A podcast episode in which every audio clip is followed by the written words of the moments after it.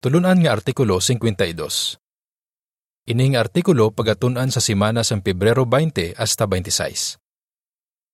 Buligi ang iban nga mabatas ang mabudlay nga mga sitwasyon. Teksto nga ginbasihan sining artikulo. Indi pagidingot ang maayo sa mga dapat mo hatagan sini kung masarangan mo ang pagbulig. Hulubaton 3:27. Ang bahanon 103. Mga manugbantay, dulot nga mga lalaki. Ang binagbinagon sa sining artikulo. Sa masami, ginagamit ni Jehova ang matutom niya nga mga alagad para buligan ang mga may problema. Pwede kaniya gamiton para paligunon ang imo mga kauturan. Binagbinago naton kung paano naton mabuligan ang mga nagakinahanglan. Para po uno, pamangkot. Ano sa masami ang paagi ni Jehova sa pagsabat sa hanuot nga pangamuyo sang iya alagad? Kabalo kabala nga pwede kagamito ni Jehova para sabton ang hanuot nga pangamuyo sang iya alagad? Pwede niya gamito ng isa kagulang, ministeryal nga alagad, pioneer, manugbantala, pamatanon, tigulang, brother o kun sister. Kung nagapangabay sang bulig kay Jehova ang isa niya kaalagad, masami nga ginagamit sang aton Dios ang mga gulang kag ang iban pa nga matutom niya nga mga alagad para maghatag sing dako nga lugpay. Kulosas 4:11. Nalipay gid kita nga maalagad si Jehova kag ang aton mga kauturan sa sini nga paagi. Mambuligan nato ng aton mga kauturan kung may nagalapta nga balatian, kalamidad, o kung paghingabot. Buligi ang iban kung may nagalapta nga balatian. Para po dos. Pamangkot. Nga posible nga mabudlay ang pagbulig sa iban kung may nagalapta nga balatian.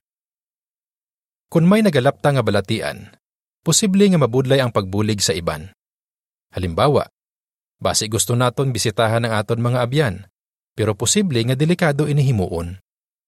Basi gusto naton agdahon nga magkaon sa aton balay ang mga nagapamigado, pero posible nga delikado man ini. Basi gusto naton buligan ang iban, pero posible nga nabudlayan kita kay may miyembro sang aton pamilya nga nagamasakit o kung kinahanglan man buligan. Gusto gid naton buligan ang aton mga kauturan.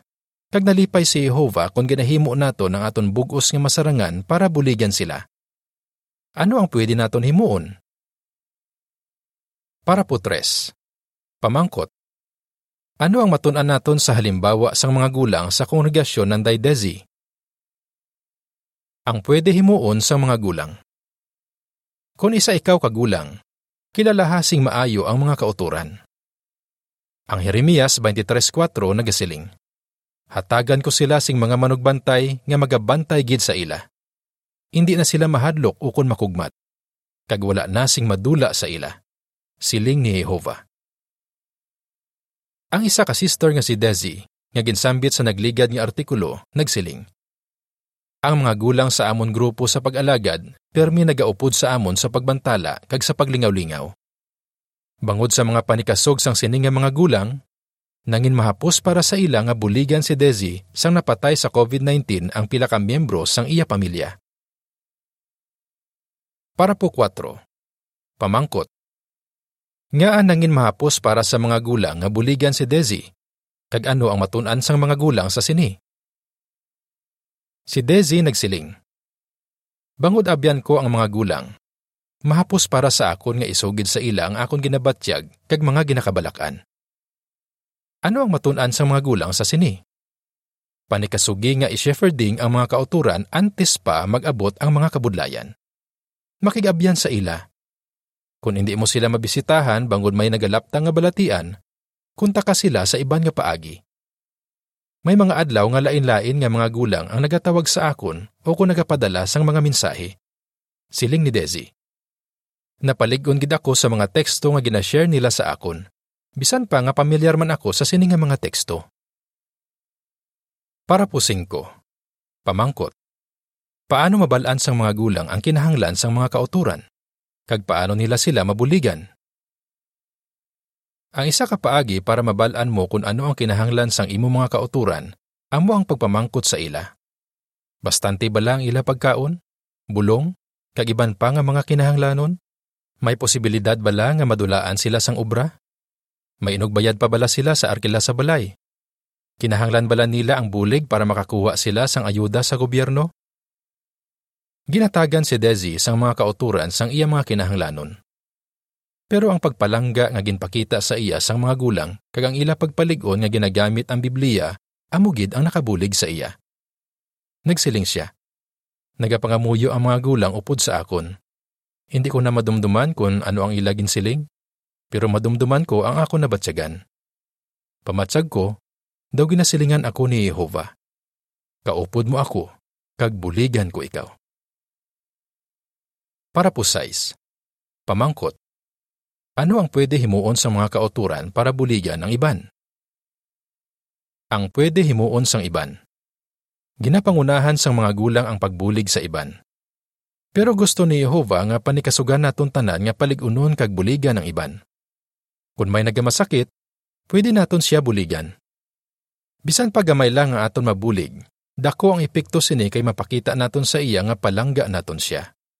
Pwede makahimo sang card o kung makadrawing ang isa ka bata para paligunon ang isa ka brother. Kung may kinahanglan himuon o kung baklon ang isa ka sister, pwede siya buligyan sang isa ka pamatanon. Pwede man makaluto ang iban nga kauturan, pero dapat sila maghalong kung dalhon nila ini sa balay sang nagamasakit. Kung may nagalapta nga balatian, kinahanglan gid naton tanan ang pagpaligon. Gani ba si pwede nga hindi kita anay magpuli dayon pagkatapos ang meeting sa Kingdom Hall o kung hindi kita mag-leave dayon kung nag-attend kita paagi sa video conference para maistorya naton ang mga kauturan. Kinahanglan man sa mga gulang ang pagpaligon. Madamo gid sila sang ginahimo kung may nagalapta nga balatian. Gani may pila ka utod nga nagahimo sang sulat para pasalamatan sila. Maayo gid kung sundo naton ang laygay nga padayon nga paliguna kag pabaskuga ang isa kag isa. Unang Tesalonika 5:11. Ang kapsyon sang picture nagasiling. Nalipay ang brother nga nagadumala sang pagtuon nga mabatian ang makapalig-on nga mga komento sang mga kauturan nga ara sa meeting kag sang nagamasakit nga brother nga naga-attend paagi sa video conference. Buligi ang iban kun may kalamidad. Para po siyete. Pamangkot. Ano ang posible nga mga resulta sang kalamidad? Kung may kalamidad, posible nga gulpi lang magbago ang kabuhi sang isa ka tawo. Posible nga madulaan siya sang balay kag mga pagkabutang. O kung posible nga mapatsyan siya sang pinalangga. Nagakatabo man ini sa aton mga kauturan. Paano naton sila mabuligan? Para po utso. Pamangkot. Ano ang pwede himuon sang mga gulang kag sang mga ulo sang pamilya antes matabo ang kalamidad? Ang pwede himuon sang mga gulang. Mga gulang, Buligi ang inyo mga kauturan nga handaan ang kalamidad antes pa ini matabo.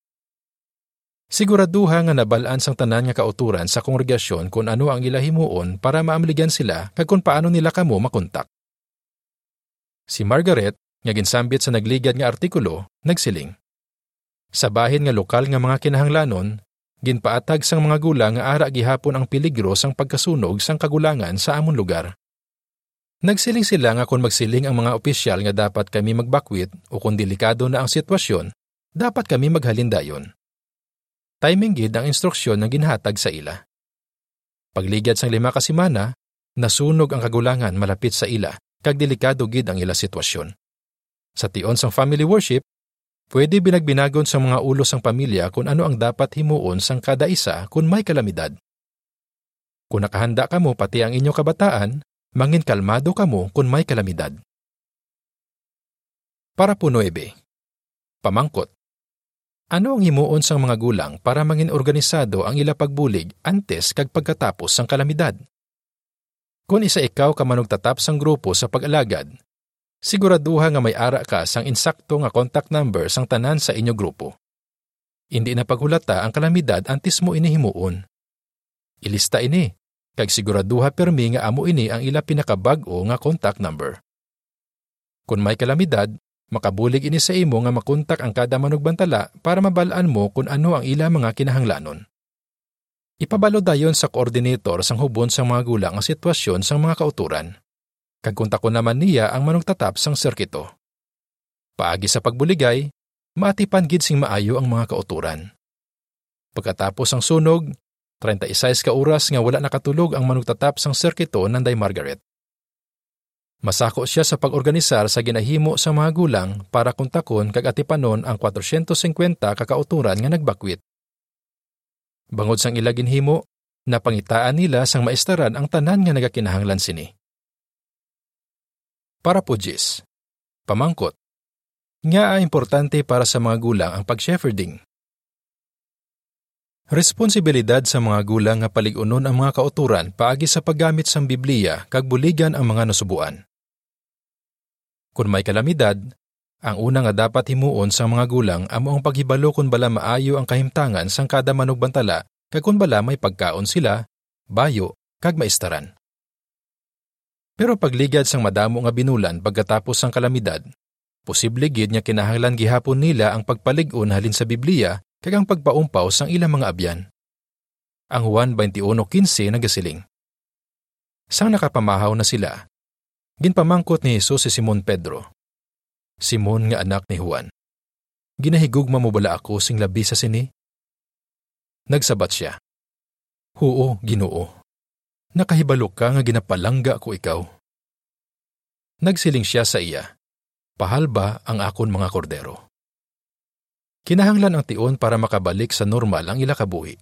Siling ni Harold, nga miyembro sang branch committee, kag madamo na sang naistorya nga mga kauturan nga nahalitan sang mga kalamidad. Posible nga malipatan nila ang ilang mga pagkabutangan na dula, pero hindi nila malipatan ang ila pinalangga nga napatay ang isa ka importante nga butang sang ila pamilya. Kagang ila eksperyensya nga mahimo jutayan lang sila mapatay. Sa kadation nga madumduman nila ini, makabatsyag sila liwat sang kasubo. Pero hindi but silingon sini nga maluya ang ila pagtuo, kundi normal lang ini nga reaksyon. Para po unse, pamangkot. Ano nga bulig ang posible kinahanglan sang mga pamilya? Ginaaplikar sa mga gulang ang laygay nga maghibi upod sa mga tawo nga nagahibi. Roma 12:15. Dapat buligan sa mga gulang ang mga nahalitan sang kalamidad nga mabatsagan nga palangga sila gihapon ni Jehova kag sang mga kauturan. Dapat nila buligan ang mga pamilya nga padayon nga himuon ang mga hilikoton sa pag-alagad pareho sang pagpangamuyo, pagtuon, pag-attend sa mga meeting, kag pagbantala. Pwede man paligunon sa mga gulang ang mga ginikanan nga buligan nila ang ila kabataan nga magpokus sa mga butang nga hindi maguba sang bisan ano nga kalamidad. Mga ginikanan, ipahanumdum sa inyo kabataan nga hindi gid sila pagbiyaan sang ila abyan nga si Jehova, kag permi niya sila buligan. Kag ipaathag sa ila nga may mga kauturan sila sa bilog nga kalibutan nga handa permi sa pagbulig sa ila. Para po 12.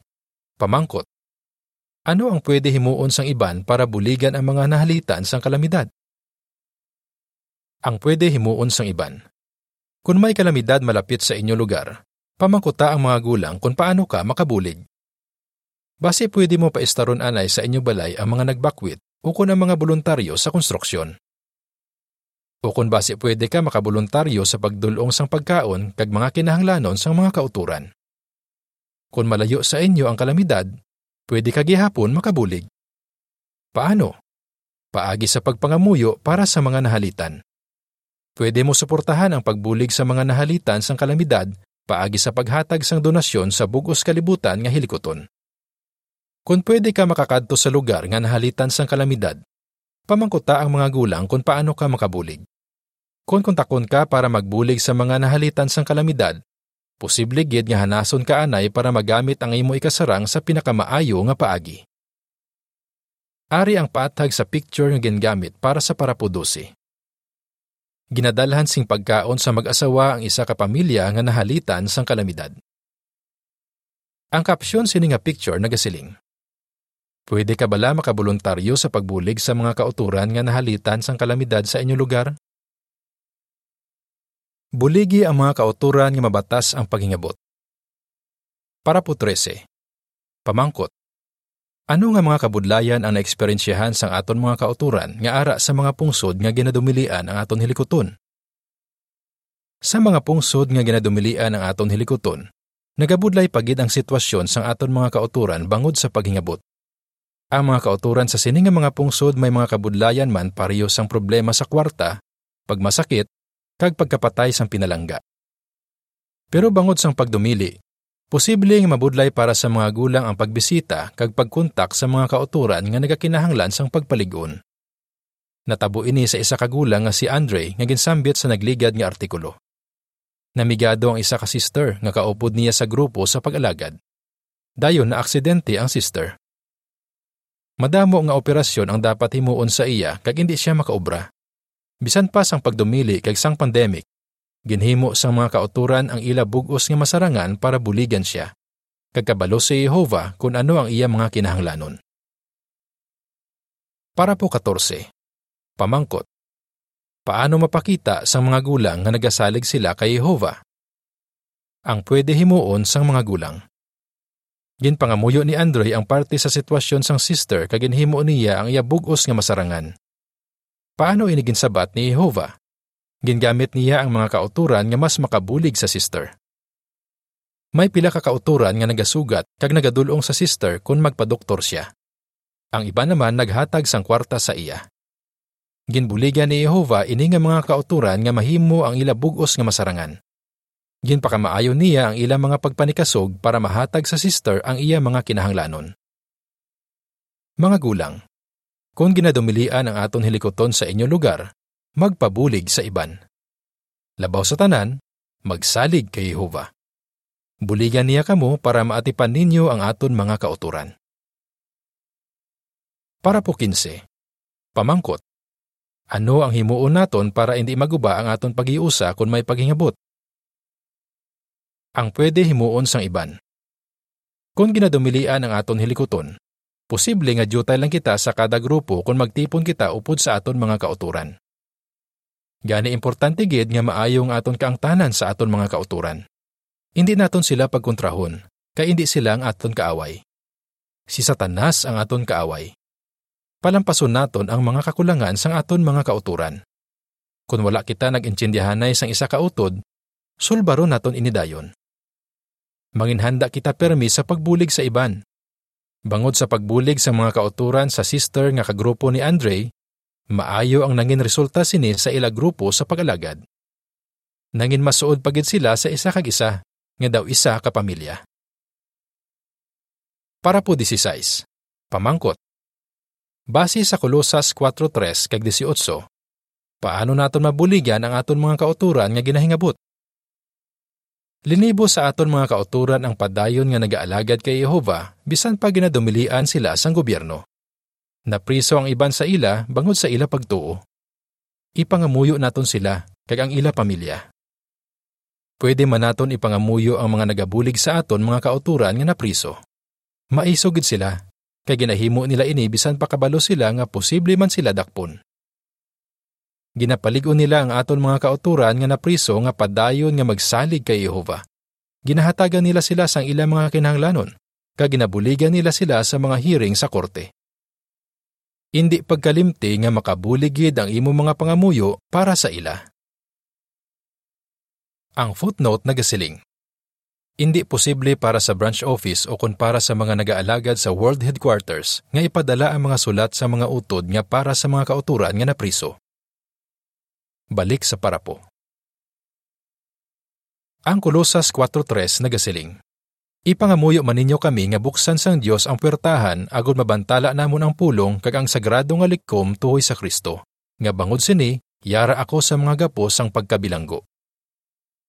Ang bersikulo 18 nagasiling, Ako mismo si Pablo ang nagsulat sini nga pangamusta. Padayon ninyo nga dumduma ang akon mga gapos sang pagkabilanggo. Ang wala tubo nga kaayo manginyara sa inyo. Para po 17. Pamangkot. Paano mo mahandaan subong ang paghingabot? Handain na subong upod sa imo pamilya ang paghingabot.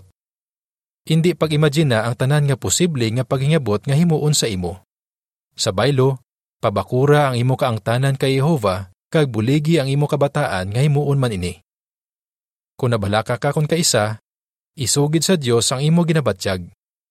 Binagbinaga upod sa imo pamilya ang tanan nga rason kun nga makasalig kita kay Jehova. Pareho sa paghanda sa kalamidad, makabulig man sa imo kabataan ang paghanda sa paghingabot. Ang imo paghanda Kag ang imo pagsalig kay Jehova makabulig sa ila nga mangin maisog kakalmado. Ang kapsyon sang picture nagasiling. Paano mo mabuligan ang imo pamilya nga mahandaan ang paghingabot? Para po 18. Pamangkot. Ano ang maeksperiensyahan naton sa palaabuton? Bangod sa pagidait sang Dios, mabatsagan naton nga ginaamligan kita. Paagi sa sini, ginapakalma kita ni Jehova bisan pa may mga balatian, kalamidad, kag paghingabot. Ginagamit niya ang mga gulang nga handa magsakripisyo para buligan kita. Kag ginahatagan niya kita tanan sang kahigayunan nga buligan ang isa kag isa.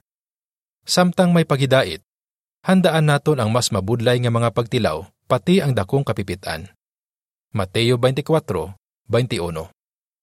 Sa sina nga tion, dapat naton panikasugan nga hindi madula ang aton paghidait, kag buligan naton ang iban nga himuon man ini. Pero pagkatapos ang sina nga tion, hindi na gid kita makaeksperyensya sa mga problema nga nagapabudlay sa aton. Maeksperiensyahan na naton ang gusto gid ni Jehova nga mabatsagan naton nga amo ang matuod nga paghidait hasta sa wala sing katapusan. Paano mo mabuligan ang iban nga makabatsyag sang pagidait bisan pa may nagalapta nga balatian? May kalamidad. May paghingabot. Ambahanon 109. Maghigugmaanay sing tinagipusoon. Diri natapos ang artikulo.